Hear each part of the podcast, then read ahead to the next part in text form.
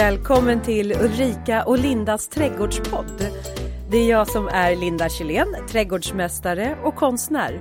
Och det är jag som är Ulrika Levin, trädgårdsdesigner och arkitekt. Linda, idag ska vi prata sommarblommor, eller hur? Ja, ja, ett favoritämne för, för min egen del. Ja, och jag är ju inte så mycket för sommarblommor, eller rättare sagt, jag jobbar inte så mycket med det. Men det kommer vi tillbaka till. Och vi får väl se efter det här avsnittet. Exakt. Men jag tänkte så här, vad, sen vi såg sist, vad har hänt i ditt liv? Oj, oj, oj, oj, vad har inte hänt höll jag på att säga. Nej, men det har varit mycket uppdrag på Nyhetsmorgon som jag har varit inbjuden till. Den här veckan har jag varit där två gånger och senast igår så fick jag gå upp kvart över fyra på morgonen. Jag är lite trött idag. Alltså det har inte jag gjort på sju år tror jag, gått upp kvart över fyra sedan jag jobbade som flygvärdinna. Eh, men så här är det, när trädgård är väldigt hett eh, så eh, vill man prata trädgård även tidigare i programmet på Nyhetsmorgon. Alltså som mest tittare tror jag vi har där någon gång liksom mellan sju och åtta på morgonen. Och det är ju så häftigt att man får sprida trädgårdskunskapen till så många då. Men då var jag tvungen att gå upp tidigt på morgonen. Vet du vad jag har gjort? Nej, vad har du gjort Ulrika? Ja, jag har faktiskt haft fest höll jag på att säga. Nej men vi har... Oj då! att jag är lite sliten, det har sina naturliga... Jag jobbar och är sliten och du festar och är sliten. Ja, ah, ja. ja, men någon måste stå för glamouren, Linda. Ah, Okej, okay, ja, det har du det är du. Nej, men det var faktiskt så här att vi har haft en student hemma, så det hade vi igår. Ah. Och det var ju, ja det var jättehärligt. Eh, och det blev faktiskt som en riktig student, om än lite modifierad. Eh, så att nu känner jag att i, i, i morse när jag vaknade så visste jag, jag visste inte riktigt vilken dag det var. Eh, då slappnade jag av. Ja. Men, mm. nu tänker jag, nu får vi gå på men jag måste bara säga en sak om det här med student. Mm. Ja, när jag jobbade som eh, trädgårdsmästare på en butik och jag i de här tiderna fick in mycket kunder som hade många frågor om att göra snabba förändringar i sin trädgård därför att de ska ha studentmottagning. Och det jag rekommenderade väldigt många, det var just sommarblommor, för där får man ju en wow-effekt på en gång.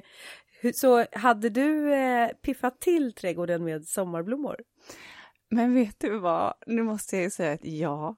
Jag, var, ja, ja, men jag var tvungen och jag brukar inte köpa sommarblommor heller egentligen sedan flera år tillbaka, oftast för att jag eh, jobbar mycket med, med perenner eller buskar, alltså någonting som återkommer. För jag, jag tycker det är lite sorgligt att slänga eh, blommor Aha. varje år. Alltså åka och köpa det, lägga ner pengar, tid, eh, det har tagits fram eh, ur klimatsynpunkt. Nu med brasklappen att det finns säkert sätt att ta fram de här växterna oh, på ja. som är mer hållbara. Ja, ja. Eh, och, och, det är också intressant. Så att, men framförallt handlar det om tid för mig. Men igår, så ja, då behövde jag göra det. Och det var lite då jag tänkte på det här med sommarblommor, för jag vet ju att du är en fena på det. Och för mig eh, så har ju sommarblommor verkligen handlat om det här, det vill säga att det är blommor som jag kan åka till handelsträdgården och köpa direkt och stoppa ner i krukan.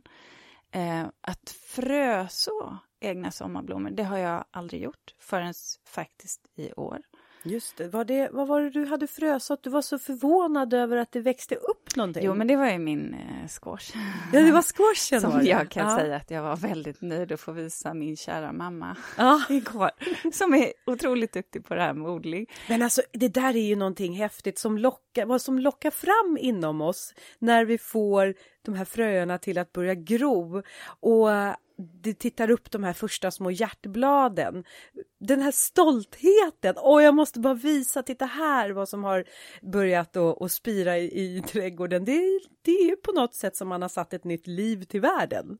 Ja, och jag är, jag är sådär, jag är, jag är mest fascinerad över att jag lyckas. Eh, för jag tycker att det här är en djungel av kunskap just när det gäller, eh, och framförallt kanske när det gäller sommarblommor. Så att det jag faktiskt har tänkt på nu när jag har sått sommarblommor eh, så har det ju handlat om eh, biologisk mångfald, sånt som är bra för våra pollinatörer. Mm. Så jag har satt gurkört. Just det. Eh, och det tänker jag, det kan jag ha i maten också. Ja, bra. Och du vet vad gurkgurt är så gott också att smaksätta bordsvatten med.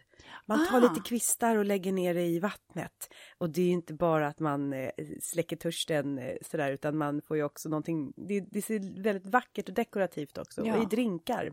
Men Jag, då får jag bara ställa en sån här följdfråga nu, Linda. Eh, du som är trädgårdsmästare. För att jag får, det, det är något, så, och det här, det är något som går att käka på dem. Jag får små hål på mina blad. Jaha, ja. Min mamma sa att det är ingen fara, de kommer växa till sig. Och det är det här jag avskyr med odling och sommarblommor, att man helt plötsligt får massa med ohyra, på Ohyra, dem. ja. Det är ju många fjärilar som gärna vill lägga sina ägg i, i sommarblommornas i, i bladen. Så när de kläcks sen så ska ju larverna på en gång ha någonting att Ah. äta utav. Jag menar, titta på nässelfjärilen som visserligen eh, är inte en sommarblomma som den lägger sina ägg hos, men den lägger ju den på nässlornas blad. Mm. Så när den här lilla larven då kläcks då, då måste den förse sig själv med mat på en gång. Och då är den väldigt strategiskt placerad på ett blad som den kan börja äta på. Och många utav just sommarblommorna, när de är sådär unga i, i skotten, är väldigt eh, attraktiva som eh, eh, bebisplatser åt just många fjärilar. Så det är jag helt övertygad om att det är någon larv som har varit framme och de där larverna, de är kamouflerade. Och det här vill jag säga, när man odlar så får man aldrig vara stressad igenom sin trädgård eller när man kliver in i sitt växthus. Utan, alltså aldrig, ja men det är klart att man ibland får vara stressad. Men man måste ta sig tid emellanåt att stanna upp och titta nära på sina växter. Jag själv har zinnia som jag odlar ute i växthuset. Och så en dag här för tre veckor sedan då fick jag se att zinnian var också så här massa gnagskalor eller skador, skador på bladen. Jag bara, vad är detta för någonting? Det måste ju vara något, något här ah, bland zinnian. Och mycket riktigt så hittade jag den där gröna larven som har satt sig ut med skälken så här på längden. Och den var illgrön larv på illgrön skälk. Hade aldrig sett den om jag inte så här metodiskt tittade. Och fick jag bara bort den där första larven så var det den enda. Sen Aha. eh, eh, har alla mina sinnor klarat sig. Men var ute i god tid och ta hand om dem. Mm. Och kanske sätta på sig glasögon. Jo, ju vara bra om man vill vara det. Men, Nej, men det här är ju också ett sätt att vara mindfulness. Att stanna upp och påta i det småskaliga. Och det här kommer vi att komma tillbaka till för att, och, och det här skrattar en del av mina vänner åt när jag säger, eh, eftersom jag är trädgårdsdesigner, men jag är inte road av trädgårdsskötsel alls faktiskt. Det här harmonin som en del säger att man får. Eh, men, men det är en helt annan, det, då kommer vi från ämnet. För jag, jag vill komma tillbaka till sommarblommorna för att ett, eh, en anledning till att jag också har valt att så i år, det är ju faktiskt att man kan använda dem till snitt. Ja. Och det tycker jag är lite intressant också. Mm. Eh, Jag ehm, använder mig av mina sommarblommor. Dels, alltså såklart då, alltså det är egentligen två viktiga funktioner som mina sommarblommor har åt mig. Och det är nummer ett, att de är mat till pollinatörer. Jag tycker att det är så viktigt att odla även för att mata våra vildbin och humlor och fjärilar. Jag eh, har ingen stor köksträdgård men jag odlar en köksträdgård kan man säga åt eh, alla våra vilda pollinatörer. Så det är liksom det ena. Det andra är att för mig sommarblommor en form utav eh, eh, kreativt material att jobba med. Som till exempel eh, istället för att jag går ut i mitt växthus och målar en tavla så kan jag ta och klippa sommarblommor och så skapa en bukett, en komposition. Att få vara kreativ med växterna, det är för mig så att det är liksom det. Och under tiden som de då växer till sig så är de då mat åt pollinatörer. Och jag tänker så här, eh, det finns ju...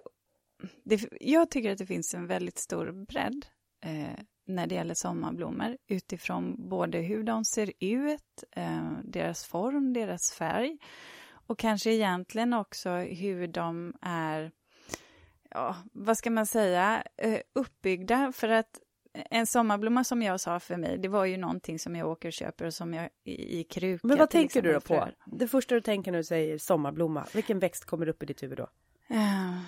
Ja, gud vad kan det vara? Sommarljus tror jag, eller jätteverbena. Mm. Och det är ju för att det är sorter som jag tycker om. Men ehm, jag tänker också på agapanthus, Ja. Afrikas blå lilja. Och, och det här är ju de topp tre hos Ja. mig som jag gillar. Och sen tänker jag också på prydnadsgräs som fjäderborstgräs till exempel som jag tycker om att komp- alltså kombinera Mm. ihop och framförallt om man vill ha eh, ja men om man har en trädgård där man kanske vill ha en liten stramare, mer stilren Mm. eh, inriktning. Just det. Ja. Jag själv har ju då, det första jag tänker på det är, jag vet inte varför, men petunia kommer upp så här som det första. Ah. Ehm, ja, och det är ofta en så här, petunia är ju någonting som man kanske har i amplar. Men det finns ju en sån variation på färger på petunior. Och eh, jag gillar, det har börjat dyka upp lite så här dubbelblommande petunior. Eh, Som jag tycker också är så här, håll ett öga på dem i orangea och milda gula färger. Eh, Men rosenskäran, den pratade jag om förra avsnittet, att det är såklart liksom, ja, det är en av mina absoluta favoriter av sommarblommor. Sen tycker jag också väldigt mycket om dahlior. Ja, och det här, det här kommer Nej men nu tyckte bli- jag att du suckade, var på väg att sucka. Ja, det gjorde jag. Och det, det här är som är lite speciellt när det gäller sommarblommor. För att Ja. jag, jag har svårt för många av dem. Och det här kommer bli ett program där jag kommer vara nej säger rakt igenom tror jag i mångt och mycket. För att ja, men jag tycker dahlior eh, Ja, jag kan tycka att vissa färger är fantastiska, men jag tycker de är lite vräkiga. Och jag tycker eh, jag är inte speciellt... Eh, nej, jag, nej, men jag tror att det handlar mycket om att man måste lära känna växterna.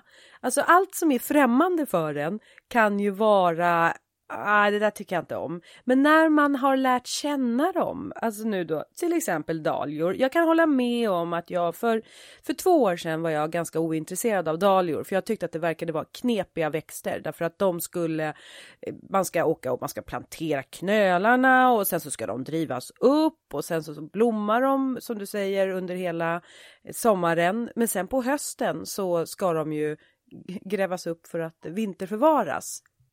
Men nu när jag har odlat eh, dahlior under två års tid så har jag ju upptäckt alltså skönhetsvärdet. De är fyrverkeriblommor. hur menar du då? Jag såg hur du bara snurrade med huvudet. Vadå fyrverkeri? Jo, de eh, växer fort så att de kommer igång eh, när så fort de bara fått upp de första bladverken så bara drar de iväg. Alltså det går som ett fyrverkeri liksom så här. Och sen slår de ut de här blommorna som du visserligen kanske tycker är lite vräkiga. Men alltså de blir ju blickfångsblommor, alltså en blomsterbukett som man plockar med små näpna små fjärilsblommor och allt sådär små små blommande och så sätter man in en dahlia, då bara tyngd till det hela och ett fyrverkeri. Men hur, hur kompletterar du en sån komposition till exempel om du väljer om sätter, jag gissar att du sätter dem i krukor? Nej, jag planterar ut dem i eh, trädgården. Nej men, men på riktigt? Absolut. Ah, Okej, Mm. men, och, men har du då perennarabatter som du stoppar ner dem på välvalda ställen eller gör du en komposition av, av sommarblommor bara? Alltså nej, på bland alla mina perenner där jag har lite öppna jord, eh, liksom ytor. Men du, jag vet att du sa att du tyckte om eh, ett eh, prydnadsgräs, penicetum. Ja. Ja, eh, fjäderborstgräset va? Ja. Ja. Alltså den kombinationen med bara dahlior och fjäderborstgräs är oslagbar. Jag har ett foto på det. Så det kan jag lägga ut på vårt eh, Instagramkonto. Ja, men gör det, för jag tänker också att eh, för det som jag sa, det jag tycker om med dahlior, det är att det finns en sån stor uppsjö av färger. Eh, och jag kan vara lite svag för de här som är ja, men ganska mörka. Ja, just det. Och det kan ju vara fint just i kombination med fjäderborstgräset Ja. eller en liten ljusare Ja, rosa. mörk, eh, röd, eh, alltså nästan så att den går det här Ja, purpurfärgen. det är precis det Ja, jag menar. Men det, Mm. jag ska visa det, du kan visualisera att det här blir läckert. Man väver in de här äh, pampiga. Men du, jag pratade om att jag odlar mycket för pollinatörer, sommarblommor. Och tre bra sommarblommor för eh, pollinatörer, det är hjärtstilla, det är snäckklint och sen är det en luktreseda. Ha, det här var roligt, för de två första, jag har ingen aning om hur de ser ut. Jaså? Nej, Nej? inte Okej. alls. Eh, om vi tittar på eh, sibirisk hjärtstilla, det blir som höga, jag har, jag har en här, höga skälkar, nästan så att de ser ut som steppsalvia. Eller hur? I en jag rosa. Mm. Ja. Lite ellipsformade blad så att säga, eller lansettformade skulle man nästan kunna säga att de Ja. är. Ja. Och i, i lite ljusviolett Ja, va? rakt Mm. växtsätt sådär. Hur Eh, höga blir en sådan? Nej men de blir ungefär, alltså de blir ganska höga, alltså runt en 120 centimeter, Ah. 150 centimeter alltså. Ja, det är mycket, det är ungefär som en kransveronika om man Ja men översätter till en per, eh, perenn, perenn, ungefär med, Ja. samma, liknande växtsätt om Ja. vi ska prata det. Eh, Den andra då, då snäckklinten, den eh, ser ut som en, om man Ja, tänker men sig, den var söt. ja en klint, alltså Ja. blåklint tänker man kanske, man vet man hur den ser ut. Lite som en diskborste som man ni vet har tryckt ner mot diskbänken så att den har spridit ut alla spröt. Ja, just så! Ja, bra, en bra beskrivning där. En, en klint, men den här har också den här eh, kalla lila-rosa tonen och den blir ungefär 100 centimeter. Det som är intressant det är att eh, såna här eh, blommor som har flata blomställningar som den här snäckklinten, Ja. de lockar till sig fjärilar därför att de blir som landningsplatser åt fjärilar. Så att de har lätt att landa på dem. Medan Okej. de här som kanske är mer spirformade är mera åt eh, vildbina som snäckklinten då. då. Ja, för behöver de ha, eh, har de lite svårt att komma åt eh, nektar och... Ja. Och humlor vill ju krypa in i klockor som eh, eh fingerborgsblommans klocka sådär, för att få lite vindskydd. Och sen så har jag den här luktresedan och den, nu heter den ju lukt, ja, den skulle heta doftreseda tycker jag, men den heter luktreseda. Den är lågväxande, ungefär en eh, eh 30 centimeter och den påminner i färgerna som en daggkåpa som blommar. Ja, Fast den är, är det mera... lite som en, eh, skulle du beskriva det som en vävarväxt? Ja, det skulle jag nog. Om du vill översätta den till en perenn, kanske som en ulleternell. Ah, och, och när vi säger vävarväxt, det kanske för att tydliggöra för, för er lyssnare, eh, så är det ju någonting så att säga som man kan säga att det binder ihop och fyller ut en plantering. Oftast så pratar man om vävarväxter som något som är lite lägre, kanske ja, men max 50 centimeter i höjd och som man kan ha lite större sjok av Ja. och, och återkommande för att få en bra balans. Och- Men, de, men jag måste, den här doftresedan hette Ja. den va? Ja. Eh, är det en sån här eh, växt som doftar, alltså doftar den hela tiden under dygnet eller är det kvällstid? Den doftar under hela, eh, under hela dygnet men ofta skulle jag säga att de doftar ju som mest på morgnar och kväll och det är ju när, alltså, när de har en, alltså de är fyllda med de mesta eteriska liksom, oljorna. De har liksom fyllt sig själva i hela växtsystemet kan man säga med eh, eh, saftspända i, i, i vatten. Så att eh, på dagen kan de ju dofta mindre än vad de gör på morgnar och kvällar. Är det här växter som du skulle rekommendera att man sätter i, i kruka eller på friland? Nej, Och- det här ska vara på friland. Det är det? Men det Mm. funkar ju också i kruka, så att det är inte det. Men det här, jag vill ju, om man nu ska odla för pollinatörer, vill jag odla mycket. Det är som en äng. Och då är det ju fantastiskt om man har stora ytor. Tänk en hel pallkrage, bara med olika så här sommarblomsbuketter. Du vet, du kan breså, när man blandar olika sommarblommor och sen så alla fröerna i en, eh, i en liten ask. Och sen så strösslar man ut det här då på i den här pallkragen till exempel, då har man ju redan ju, gjort den här äh, blomsterbuketten blandad och klar. Så när det växer upp, då växer det ju upp massa olika fina. Men då tänker jag på att eh, utifrån ett designperspektiv att eh, det där låter ju väldigt eh, bra. Eh, alltså mest det här att man, beroende på vad man tycker om för stil, eh, så, så kan man ju då antingen bredså, och då gäller det ju kanske att man har varit ganska noggrann innan med sin färgkomposition och val av växter så att det ska hänga ihop.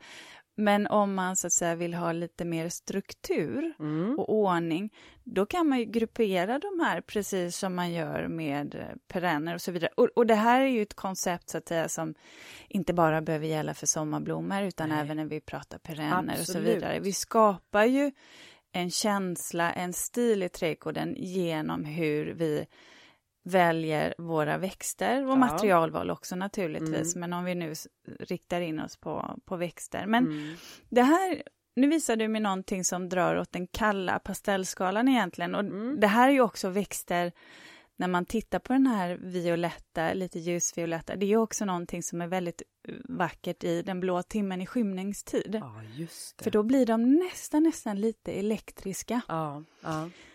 Men om man nu då eh, drar åt något annat håll i färg? Mm. Eh, alltså jag har ju en, en kombination som jag tycker väldigt mycket om och det är sommarflox. Eh, den är, alltså det är den ljuvaste sommarblomma man kan tänka sig. Den är lite vintage skulle jag skulle säga om den. Bra beskrivning. Ja, den är blekt i rosa. Tänk så här eh, ett gammalt pensionat från eh, liksom sekelskiftet och eh, tapeterna där på väggarna, vintage. Det är sommarfloxen.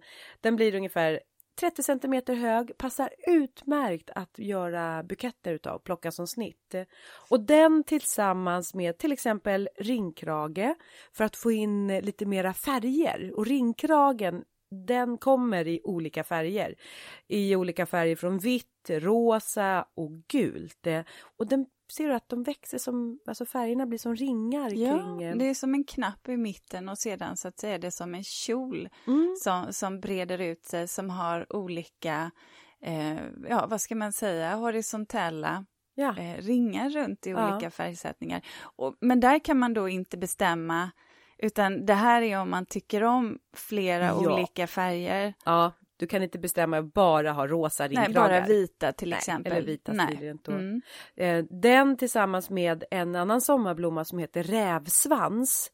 Och rävsvansen den får, eh, de hänger över såna här kolvar fast de är överhängande. Alltså det ser nästan ut som barockt sådär eh, när man plockar en bukett och så får det välla över över kanten. Eh, rävsvans. Eh. Och den, men den kan jag ibland tycka jag har svårt för, eller jag, tror, jag kan se det framför mig, när, den kombinationen du pratar om, men jag vet att i offentliga miljöer så, så ah. använder man ju, i de här ja, stora krukorna så har man ju ofta rävsvans. Men då har man det ofta i kombination med kanske, ja eftersom jag inte har någon aning om vad de här sommarblommorna heter, typ kanske är det palettblad eller ja. alltså ja. Med, med, ganska ganska stora flerformiga, alltså flerfärgade bladväxter och jag kan tycka att det blir... Oh, intressant, det blir lite för mycket kontraster kanske? Ja, ja. Jag, jag är ju lite åt det mer strama mm. hållet eller där det känns mer naturligt, där man har en väldigt, väldigt sammansatt färgsättning ja. skulle Men jag vilja tänk dig då rävsvans tillsammans med den här vintageblomman sommarflox. Men det kan jag köpa. Och sen adderar vi ett prydnadsgräs, nämligen svansfjädergräset. Ett av mina favoriter, det är ju fint. Mm. Jag måste säga en sak om svansfjädergräset, för det är ju ett sånt här vävande gräs som är vackrast om man eh, har den i mängd ihop. Och jag var i London eh, på Chelsea Flower Show för många år sedan och då hade de gjort en eh, sån här rabatt med svansfjädergräset bara och sen så i den här rabatten så hade man satt ner eh, som statyer eller eh, vad ska man, konstverk utav fiskar som satt på pinnar. Så i det här svansfjädergräset satt de här fiskarna i silver och då såg det ju ut som att fiskarna kom simmandes. Antingen så var det så här en lurendrejare i, i huvudet att man trodde att man kanske simmar så här på havets botten eller lite långt ner och så i sjögräset kom de här fiskarna. Eller när det kom vind, då tog vinden tag i det här gräset så blev det som en böljande vågeffekt. Och där, eh, äh, jag fick sån jädrans eh, upplevelse, så här, kärlek till svansfjädergräset. Bra tanke, mm. eller hur? Ja, men att man väver in konsten mm. i eh, bland växterna. Just svansfjädergräset såg jag också faktiskt på Chelsea för ja. många år sedan. Um, och där det då har varit mycket, men det här är kanske lite mer naturlika planteringarna. För flera, flera år sedan som ja. kom in med eh, en designer som heter Piet Odolf. Ja, ja, ja. Um, han introducerar ju det. Um, va, va, vilket prydnadsgräs tänker du på när vi säger Piet Odolf? Åh! Jag tänker tuv, tuvröret. Ja, Carl det är klart att det är. Ja. Men han har ju så många. Jag tänker på många perenner faktiskt som är mer vildväxande som Sanguisorban och Blod, ja, blodtoppen. Toppen. Ska jag ta, ska ta. Men det jag ville säga var ja, att i svan, svansfjädergräset där, mm. då hade de satt in eh, fingerborgsblommor. Ah, ja, det. det. kan jag tänka mig. Och det var också väldigt fint. Ja. Mm. Men du, sommarblomma. Vad är egentligen en sommarblomma rent botaniskt? Har det, du koll? Eh, nej, frågar du mig så kan jag ju säga att nej. Jag kan mina perenner, träd och buskar och lökar, men börjar vi prata sommarblommor så, ja men det är ett svart hål. Mm. Mm. Om vi säger så här, vi har ju fleråriga växter som du var inne på, perenner. Och sen så har vi ju eh, eh urtart, alltså perenner är fleråriga örtartade växter. Sen har vi ju fleråriga buskar och träd, alltså lignoser. Men sen har vi ju de här ettåriga blommorna eller örtart, ettåriga örtartade växter, annueller. Och det är ju bland annat då sommarblommor som ska gå från att de frösår sig, för ett litet frö, till att de utvecklar då det här bladverket, det går i blom som i sin tur då bildar nya fröer för att sen avmogna, vissna ner och frösår sig igen. Det ska de göra på en väldigt kort period, låt säga fem månader, sex månader, fem månader ungefär. Eh, de lever väldigt intensivt och det är också anledningen till att de bildar så mycket blommor. För det handlar ju om deras överlevnadsstrategi. Ju mer blommor, desto mer frö, desto mer chans har de för att faktiskt överleva. Och då är det ju så bra med sommarblommor för om man då knipper bort det här som blomman som de har bildat, då kommer de bryta nya skälkar för att det stimuleras till att bryta nya och bilda nya blommor. Så att eh, klipper man i sina sommarblommor då får man ännu mera blommor. Jaha, men, men, gäller det alla sommarblommor, alla typer av sommarblommor? Mm. All, ja, jag skulle säga att det gäller alla sommarblommor. Ah. Alla ettåriga sommarblommor, annueller. Annars så delar man ju in sommarblommor. Sommarblommor kan ju mera vara som ett begrepp, precis som vi har julblommor, höstblommor, vårblommor. Så är sommarblommor ett begrepp, men jag vet att du har en favoritsommarblomma. Ja, tänker du på jätteverbenen? Jag tänker på jätteverbenen, men jag tänker också på sommarljus. Ja, den tycker jag är fantastiskt mm. vacker. Den är också, kan du förklara, beskriva den? Jo, men den är ju skir och framförallt den är ju ganska högrest med, med lite stjärnformade blommor skulle jag vilja säga, jag som hänger som lite. Ja, och jag det finns ju två nyanser. Det finns ju dels den vita som jag tycker om mest. Ja. Men sen finns det ju också den som drar lite åt rosa. Ja. Vitrosa mer. Just det. Och jag tycker den är så fin för att den är i kombination med gräs. Ja. Eh, så tycker jag att den, då får man en mer naturlik mm. krukplantering till exempel. Men, men också just för att den har den här höjden och den kommer ju tillbaka ja. hela tiden. Jag tycker att den blommar mm. fint också. Men frågan är, är det en eh, sommarblomma som är en annuell? I Sverige och här uppe i Norden så har vi det som en ettårig sommarblomma. Men om vi åker ner till Medelhavet, jag var på Rhodos här för två år sedan och där hade de såna fantastiska perenna planteringar med sommarljus. Därför att där nere är den flerårig. Ja, du, det har inte jag tänkt på. Nej. Jag har all, det, ska, det ska bli spännande, för den har jag aldrig sett. Nej. i, i Sydeuropa Nej, på det sättet. Åh, den är, där använder man den just som en, en flerårig växt, till exempel som pelargoner som också är då fleråriga växter i runt Medelhavet i varmare eh, breddgrader.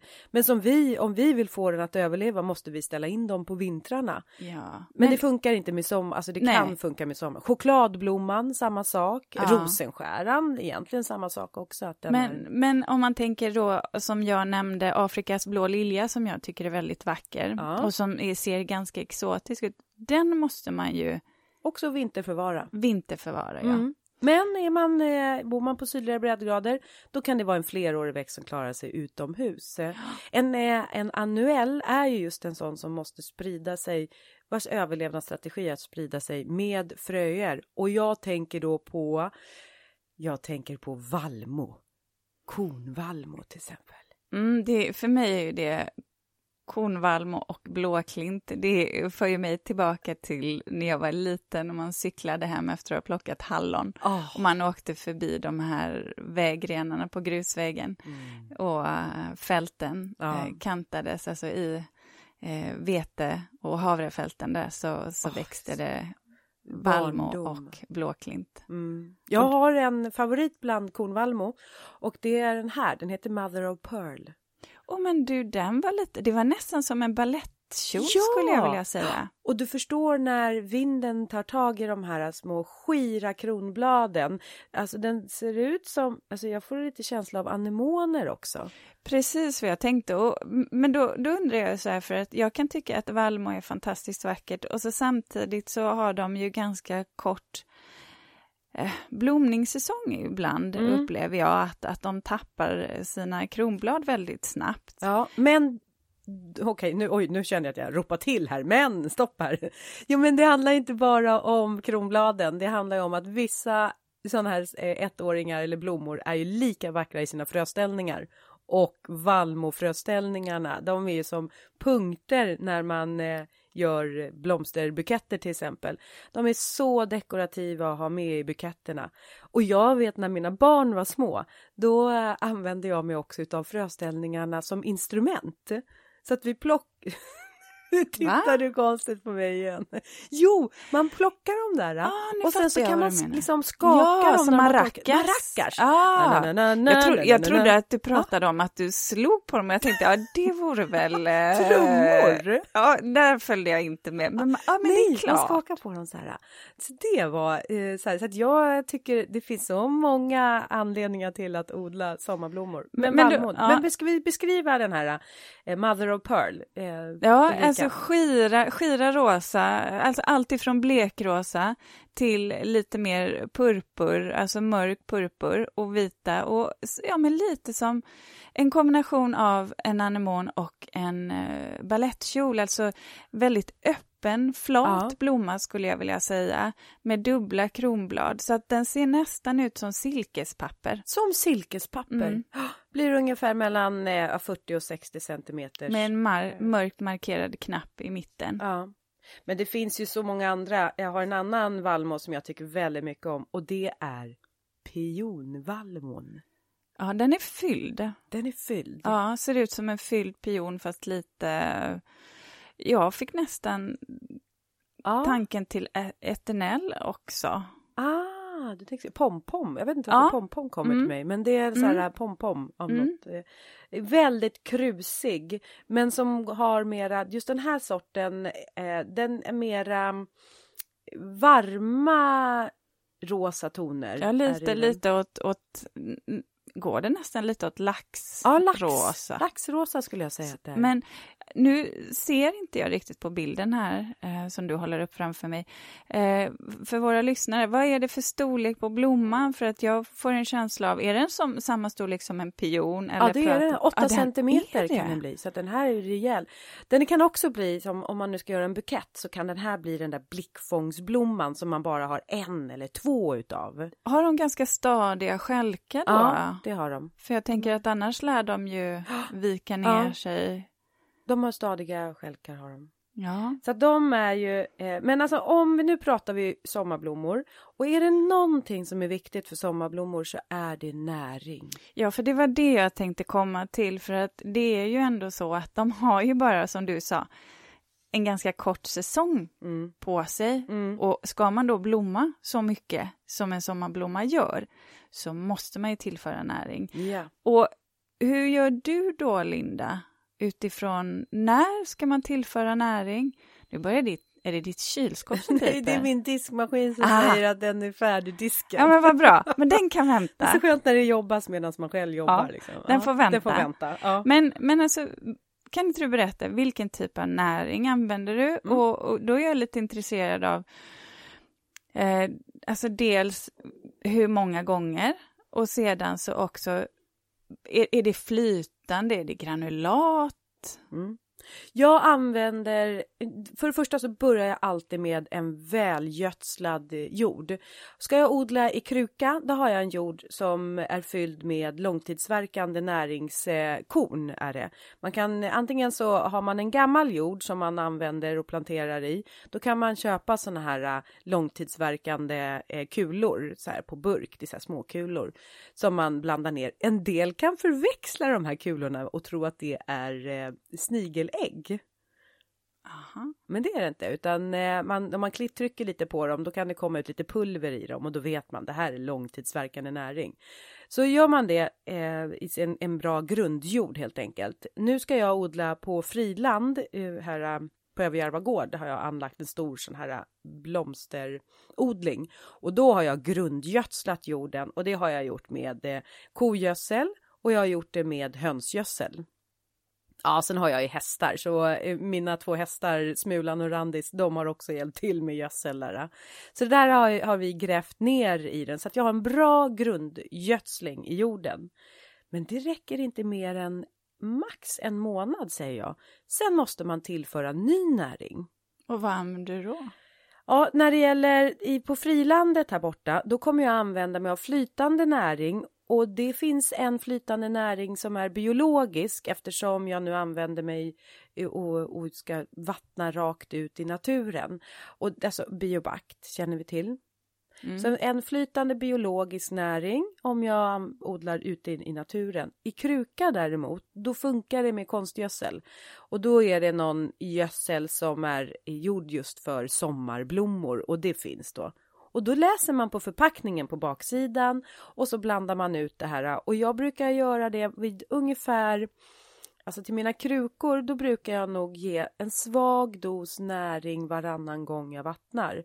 Till frilandet som ändå har ganska mycket näring i jorden i sig självt, det, så bli, brukar det bli ungefär en gång i veckan. Mm. Men nu måste jag bara, nu måste jag bara komma in här, för att när du sa att man kunde använda konstgödsel, då när du säger kruka så tänker du på en kruka som inte har hål i botten, eller hur?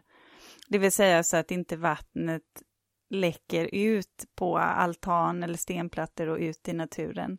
Jag, Eller? ja, nej, jag tänkte, ja, det där såg jag inte framför mig. Jag såg Nej, bara eller- framför mig en kruka. Men det, det är ju väldigt viktigt det här du säger.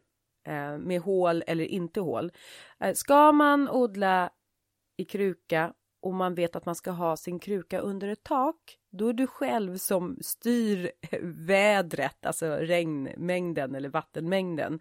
Eh, men däremot om du ställer ut den här krukan så att den står oskyddat och inte under tak, ja men då är det vädrets makter som styr. Och då kanske inte du är hemma när det kommer en åskskur och då behöver man ha en dräneringshål så att överflödsvattnet kan rinna ut. Eh, men är det så att det står under tak, då, behö- då är inte det helt nödvändigt. Nej, jag tänker mer på konstgödslet där, att då går ju det också ut med regnvattnet. Ja, ja, ja, men om man odlar på, alltså säg en balkong eller sådär, då han, alltså jag, Då hamnar det i dagvattnet.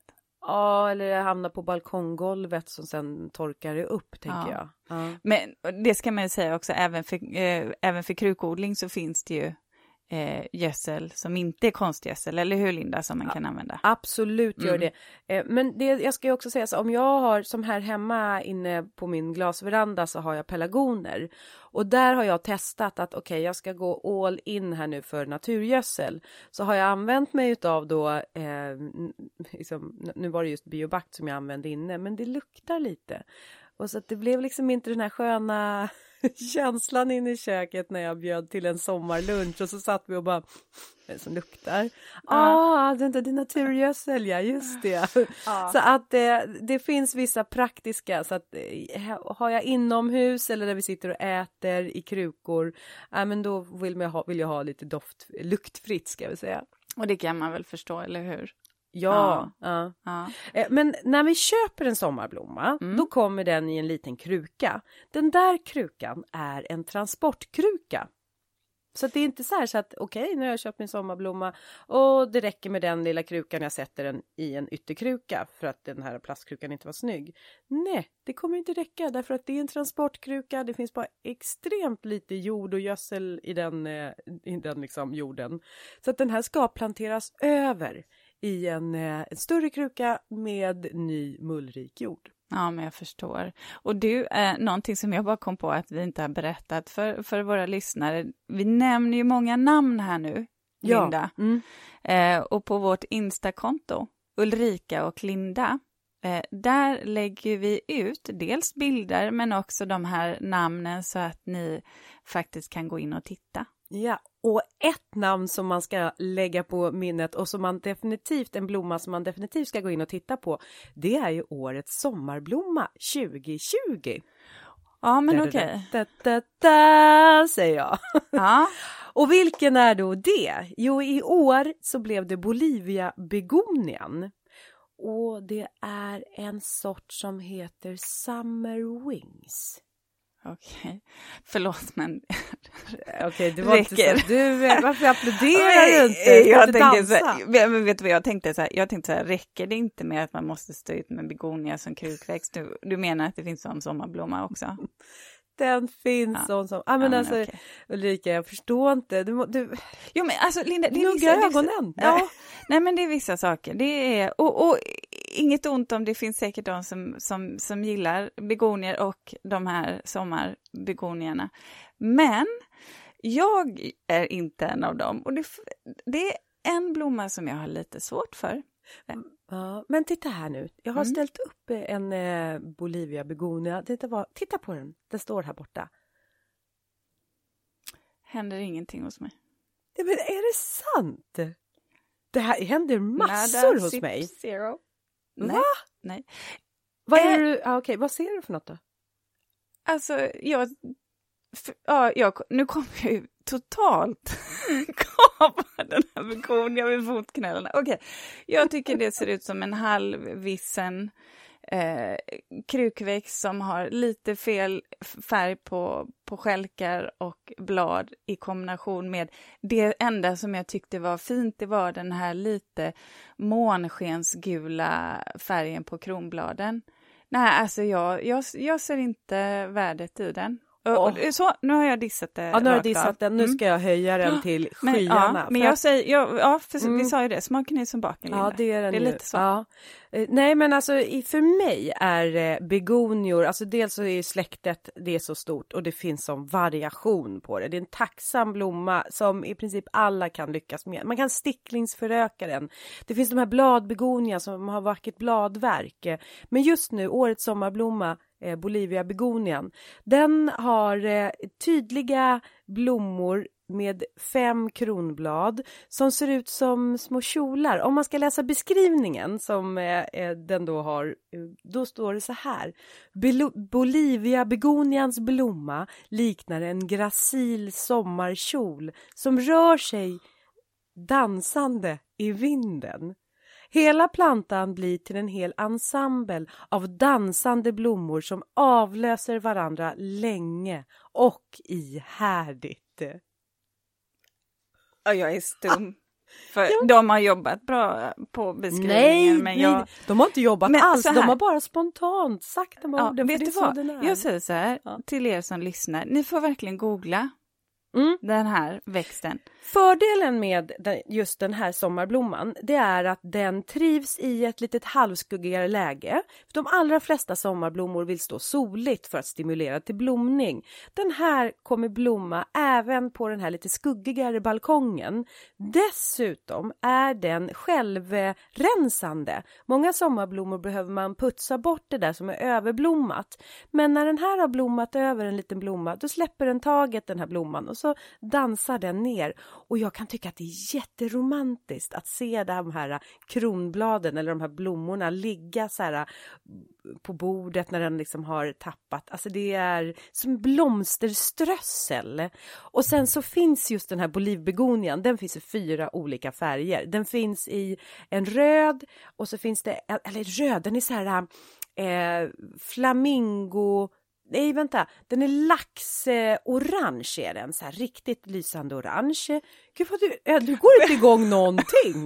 Jag går tvär igång. Förlåt, och jag ser vår ljudtekniker, han sitter ju här och får hålla sig skratt nu för jag sitter och himlar med ögonen och förstår inte alls vad du pratar om. Du ska bara sommarljus. Ja, men alltså förlåt, får jag bryta? Kan vi inte gå vidare? Och sen så, okay, för att... Får jag bara nämna några andra, bara, vad är årets sommarblomma? Får jag bara säga någonting ja, om det? Ja. ja. Årets sommarblomma eh, utses eh, årligen sedan 2016 och man kan säga att det är svenska odlare som eh, tillsammans med trädgårdsmästare och jury utser varje år en odlingsvärd sommarblomma som har just ett väldigt vackert skönhetsvärde.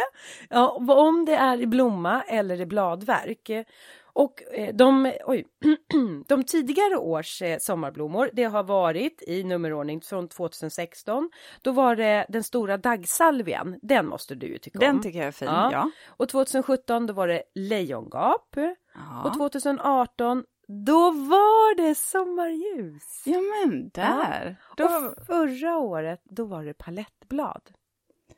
Ja, där. Okej, okay, palettblad med läppsvans, där har Nej. du den där. Alltså. Ja, där har vi Och begonia. Men då måste jag fråga, då, då har ju inte ja. min favoritblomma varit med än. Ett tips? Ja, du menar verbenan? Ja, kan inte du eh, berätta, för att jag vet att du sa till mig när jag nämnde eh, typ den enda sommarblomman jag kunde. Och jag sa att det här var min absoluta favorit, så sa du att du hade några smarta tips och tricks när det mm. gäller jätteverbenan. För jag blev nämligen väldigt besviken. Jag hade köpt hem fröer och så står det ju som det alltid gör att man ska fröså. Förodla i redan i januari tror jag. Ja. Eh, och då var, då, då var jag flera månader för sen. Ja, det var det. Ja. Mm. Eh, Eller och, tidig för nästa år. Jag vet inte, så ska man ju välja att se det också. Nej. Och då äh, tänker man så här, när man har kommit då in och vi som vi är nu i äh, juni månad att aha, det blir dyrt om jag ska fylla en hel rabatt med jätteverbenor för en planta kanske kostar 130 kronor då, en stor planta. Men den där plantan kan ju du föröka genom Va? sticklingar. Nej. Va? Ja det, det här är tipset. Så att om man nu köper en, säg att man redan i maj hade köpt en planta utav jätteverbena och så klipper man ner den rejält och så gör man sticklingar och en stickling det är ju en direkt avkomma eh, från moderplantan, liksom genetiskt så att du kommer få en exakt kopia utav moderplantan. Och en stickling då för att bara definiera, det, det, man klipper av skälken helt man klipper enkelt. Av skälken. Ja, och då har man per automatik en stickling i handen. Ja, mm. och då ska man tänka på när man klipper av skälken att man ska göra det här klippet precis under ett bladpar.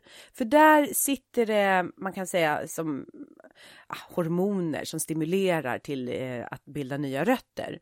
Så där klipper man av och sen så tar man den här sticklingen och så sätter man den ner i en såjord som är näringsfattig och ser till att det håller det fuktigt. Och sen efter tre veckor då har den här bildat rötter och då har du gjort en ny liten verbena. Så att utav en moderplanta kan du alla gånger få tio verbenor till. Okej, okay, men man, jag kan inte vinterförvara den, eller hur? Utan Nej. då är det. Mm. Men om vi kommer till det, för jag tänkte på det när du sa dahliorna och vi pratade Afrikas blå lilja, när man vinterförvarar, så om, om vi tar och avslutar med det här, mm. För vissa av växterna kan vi ju vinterförvara. Och vad gör du då? Är det ett mörkt rum som man ställer ner? Alltså i ett, kan det gå bra med ett förråd? Mm. Källare? okej, okay, då, är, då, då är det två alternativ, eller det beror på. Det ena det är, har du växter som behåller sitt bladverk på vintern under hela året, olivträd, citronträd, eh, pelargoner eller Afrikas blå lilja. Jag tror att den heter kärlekslilja numera, men ja, ja, de byter ju namn lite ibland sådär. Behåller sina blad, ska placeras svalt ljust. Ett fikonträd till exempel som tappar sina blad kan förvaras svalt mörkt. Aha, så det är där skillnaden. Så att för dahlia till exempel är ju knölar. Ja, och då, eh, jag ska bara, bara, säga en sista sak ja. om den här med att vinterförvara då växterna. Jag har en generell regel och det är att lika svalt som det är rummet där man vinterförvarar till exempel pelargoner, om det är nu 12 grader eller 15 grader, från eh, låt säga oktober till och med mars, lika svalt som det är, lika många gånger ska det ha vatten under den perioden. Så om det är 15 grader varmt, ja men sprid ut ungefär vid 15 tillfällen att ge vatten under de här månaderna. Ja, smart. kan man ju sätta det på sin telefon. Eller ja, på det är klart att larm. man kan klocka till den. Ja, för annars men, hade jag glömt det. Ja, glöm mm. bort dem. Men okej, okay, dahlior då, knölar som man ska vinterförvara. Jo, men då tar man upp dem ur, eh, man, man klipper man tar först och så gör man en vacker bukett utav de där sista blommande dahliorna. Så där, klipper till dem och sen plockar man upp de här knölarna och så får de ligga och torka till så att jorden torkas liksom. Och sen så får man borsta bort mycket av jorden för man vill inte ha fukt. Nej, för då ruttnar de eller? Mm. Mm. Och så klipper man ner dem helt så att det, det bara är knölen. Och när de har legat och torkat i eh, en vecka kanske, då är det dags att eh, ta fram en papperspåse som man fyller med sågspån och sen så lägger man ner de här knölarna i eh, sågspånen och sen så eh, kan man ställa den i eh, alltså, mörkt och svalt. Jaha, men nu fick jag, fick jag ett till tips eh, vad man kan använda sin avfallspåse till då. Ja, jättebra är det. För då man har kanske... Om jag nu vill ha dahlia. Nej, jag ja. tror att du är på gång. Ja, jag tror att du är på vi får se, vi får se. Tänk dig den då med fjäderborstgräset. Ja. Mm. Men du, jag ska bara säga en annan, ett annat tips då. Jag pratade tidigare om skadedjur och som de här larverna till exempel. På dahlior så kommer det gärna tvestjärtar. De tycker att de är jättegosiga att äta kronbladen på dahlior. Och sen så på natten då kan de här tvestjärtarna dessutom så här, mm, eller dagtid menar jag, de är nattaktiva, så på dagen då kan de krypa in i kronbladen och gömma sig så här. Det är inte så kul, jag vill inte dela mina dahlior med just tvestjärtarna. Tvestjärtar är däremot inget skadedjur utan de är ett nyttodjur enligt mig, men de hör hemma på komposten. Så för att fånga in de där, äh, då sätter jag ner bambupinnar som är ihåliga. Och sen så på dagarna, då kommer de här äh, tvestjärtarna krypa in i bambupinnarnas ihåligheter och då lyfter jag ju upp de här pinnarna och sen så kan man slå ut de här eh, tvestjärtarna på komposten. Men bara för att göra det lite lättare för sig, då kan man även göra klyva de här bambupinnarna i tu mitt i och sen sätter man fast dem med en tråd sådär. Så när det är dags att vittja de här fällorna då, klippte, då bara så knyter man upp tråden, öppnar upp de här äh, bambupinnarna och då ligger de på rad där inne, tvestjärtarna. Och så får de Smart. hamna på komposten. Det är nästan lite så vi skulle visa det här någon gång om vi tittar lite mer på dahlior. Lite mer och lägga på Insta. Ja. Ulrika och Linda på Instagram då. Eh, men då ska jag bara avsluta med att säga att naturligtvis om man vill eh, inte vill ha kvar sina fröställningar, alla av dem, då kan man ju klippa av dem, eller hur? Och sedan spara fröna till ja. nästa år och också lägga lite torrt då, ja. gissar jag. Mm. I lite papper eller någonting. Ja. Sådant. Mm. Oh, ja. ja. ja. Ja, men nu har vi pratat mycket om eh, sommarblommor. Eh, en sommarblomma som vi inte har kommit in på, som jag tycker väldigt mycket om, det är ju luktärtor. Luktärtor. Mm. Men alltså luktärtor finns det så mycket att prata om så det måste nästan vara ett eget avsnitt. Eller kan man, kan man inte säga så här att vi gör ett eget avsnitt om väldoftande sommarblommor men där luktärten är liksom drottningen? Ja men där, där fastnar jag. Det, det tycker jag låter som en jättebra idé, för doft är ju någonting som är fantastiskt härligt i trädgårdssammanhang rent ja, generellt. Sinnlig trädgård. Oh ja. Men du, eh, Linda, då tänker jag så här att det, det känns som det är dags för veckans spaning eller tanke. Mm. Och eh, någonting som jag har funderat mycket på nu är ju tid. Eh, och, och, på många olika, framförallt filosofiska plan tror jag, hur, hur vi förhåller oss tid, hur man upplever tid och att tiden bara går oavsett egentligen vad som händer i ens eget liv. Eh, men tid är ju också kopplat till trädgård, eh, i varje fall för många av mina kunder. Och det nästan alla säger det är att de vill ha en lättskött trädgård. Eh, och det där tycker jag att vi ska ta fasta på i ett senare program och prata om vad innebär egentligen en lättskött trädgård? Mm. För det tror jag att vi kan, eh, där kan vi bidra. Jag har ju skrivit en bok i ämnet också.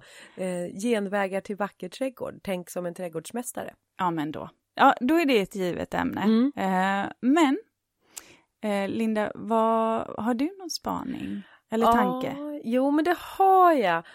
Och det kopplas an till att jag vill eh, plantera några fläderbuskar ute hos min mamma. Och fläder, det finns en fläder eh, som heter Bålsta. Och den är, alltså det är en jättevanlig buske att plantera. Det är liksom ingen ädel sort direkt sådär. Nej, alltså, det, fläder är ju en landskapsväxt. Ja, landskapsväxt mm. ja. Och det här är ute på, på landet. Så där tänkte jag, två fläderbuskar till min mamma. Var i mors dag här för ett par dagar sedan. Och så kommer jag iväg då till trädgårdsbutiken och ska handla det här. De bara, nej, det är slut. Det kan inte vara slut, det är ju en av de vanligaste växterna. Jo, är slut, finns inte att få tag på hos odlarna. Mm. Och då tänker jag att eh, vi är med om någonting unikt just nu. Att växter tar slut hos odlarna därför att de har ett sånt fantastiskt eh, växt, alltså odlingsintresse just nu. Och jag undrar, hur är det med träd? Alltså tar de också slut? Apropå tid, för vad tar det när vi köper ett träd och ska plantera i våra trädgårdar? De träden är ju alltså fem, sex år gamla. Ja, det är de ju många gånger. Och det här blir ju intressant um, att titta på. Kommer för, det finnas växter till nästa år? Ja, för det är ju också, ja, och det här är ju också någonting som påverkar påverkas av att också klimatet ändras. Jag tänker 2018 när det var så himla varmt. Mm en odlare är väldigt utsatt. Mm. Tar saker och ting slut, det vill säga grunden, stommen som du ska bygga en växt av, det är inte så himla självklart. Det är ingenting som du går och köper eh, på närmsta eh, handelsträdgård till exempel, eller hos en odlare, utan då, då tar det tid. Och sjukdomar som sprids och så vidare. Så, men då ska vi ju åka ut till en av våra svenska odlare. Absolut. Åh, det vill jag. Men du Ulrika, ska vi inte prata om det här med lättskött trädgård nästa gång? Alltså jag blir lite sugen på det nu ändå. Jo, men vi gör det. För att jag tror att det är viktigt att definiera vad det innebär egentligen, en lättskött trädgård. Eh, är det bara att man har en gräsmatta till exempel och väljer bort alla växter? Nej, inte i min värld. Nej, verkligen inte i min värld heller. Eh, nej, men då gör vi det. Vi bestämmer oss för det. Och tills dess så säger vi ut och odla nu till alla våra lyssnare och tack för att ni har lyssnat och kika in på vårat Instagram Ulrika och Linda där vi har lagt upp bilder eller kommer lägga upp bilder på alla dessa olika sommarblommor vi har pratat om. Ja, och dessutom vill jag säga det finns ju fler avsnitt om ni vill lyssna. Ja, precis. Och det kommer finnas bilder på den fantastiska också Bolivia begonian. Mm, så får ni ju se vem av oss som har rätt. Eller rätt kanske vi inte ska säga. Ni får göra en egen, egen uppfattning. Vi kan väl ha en omröstning om det. Ja, ja, ja eller hur? Ja. Men okay. du, tack och hej.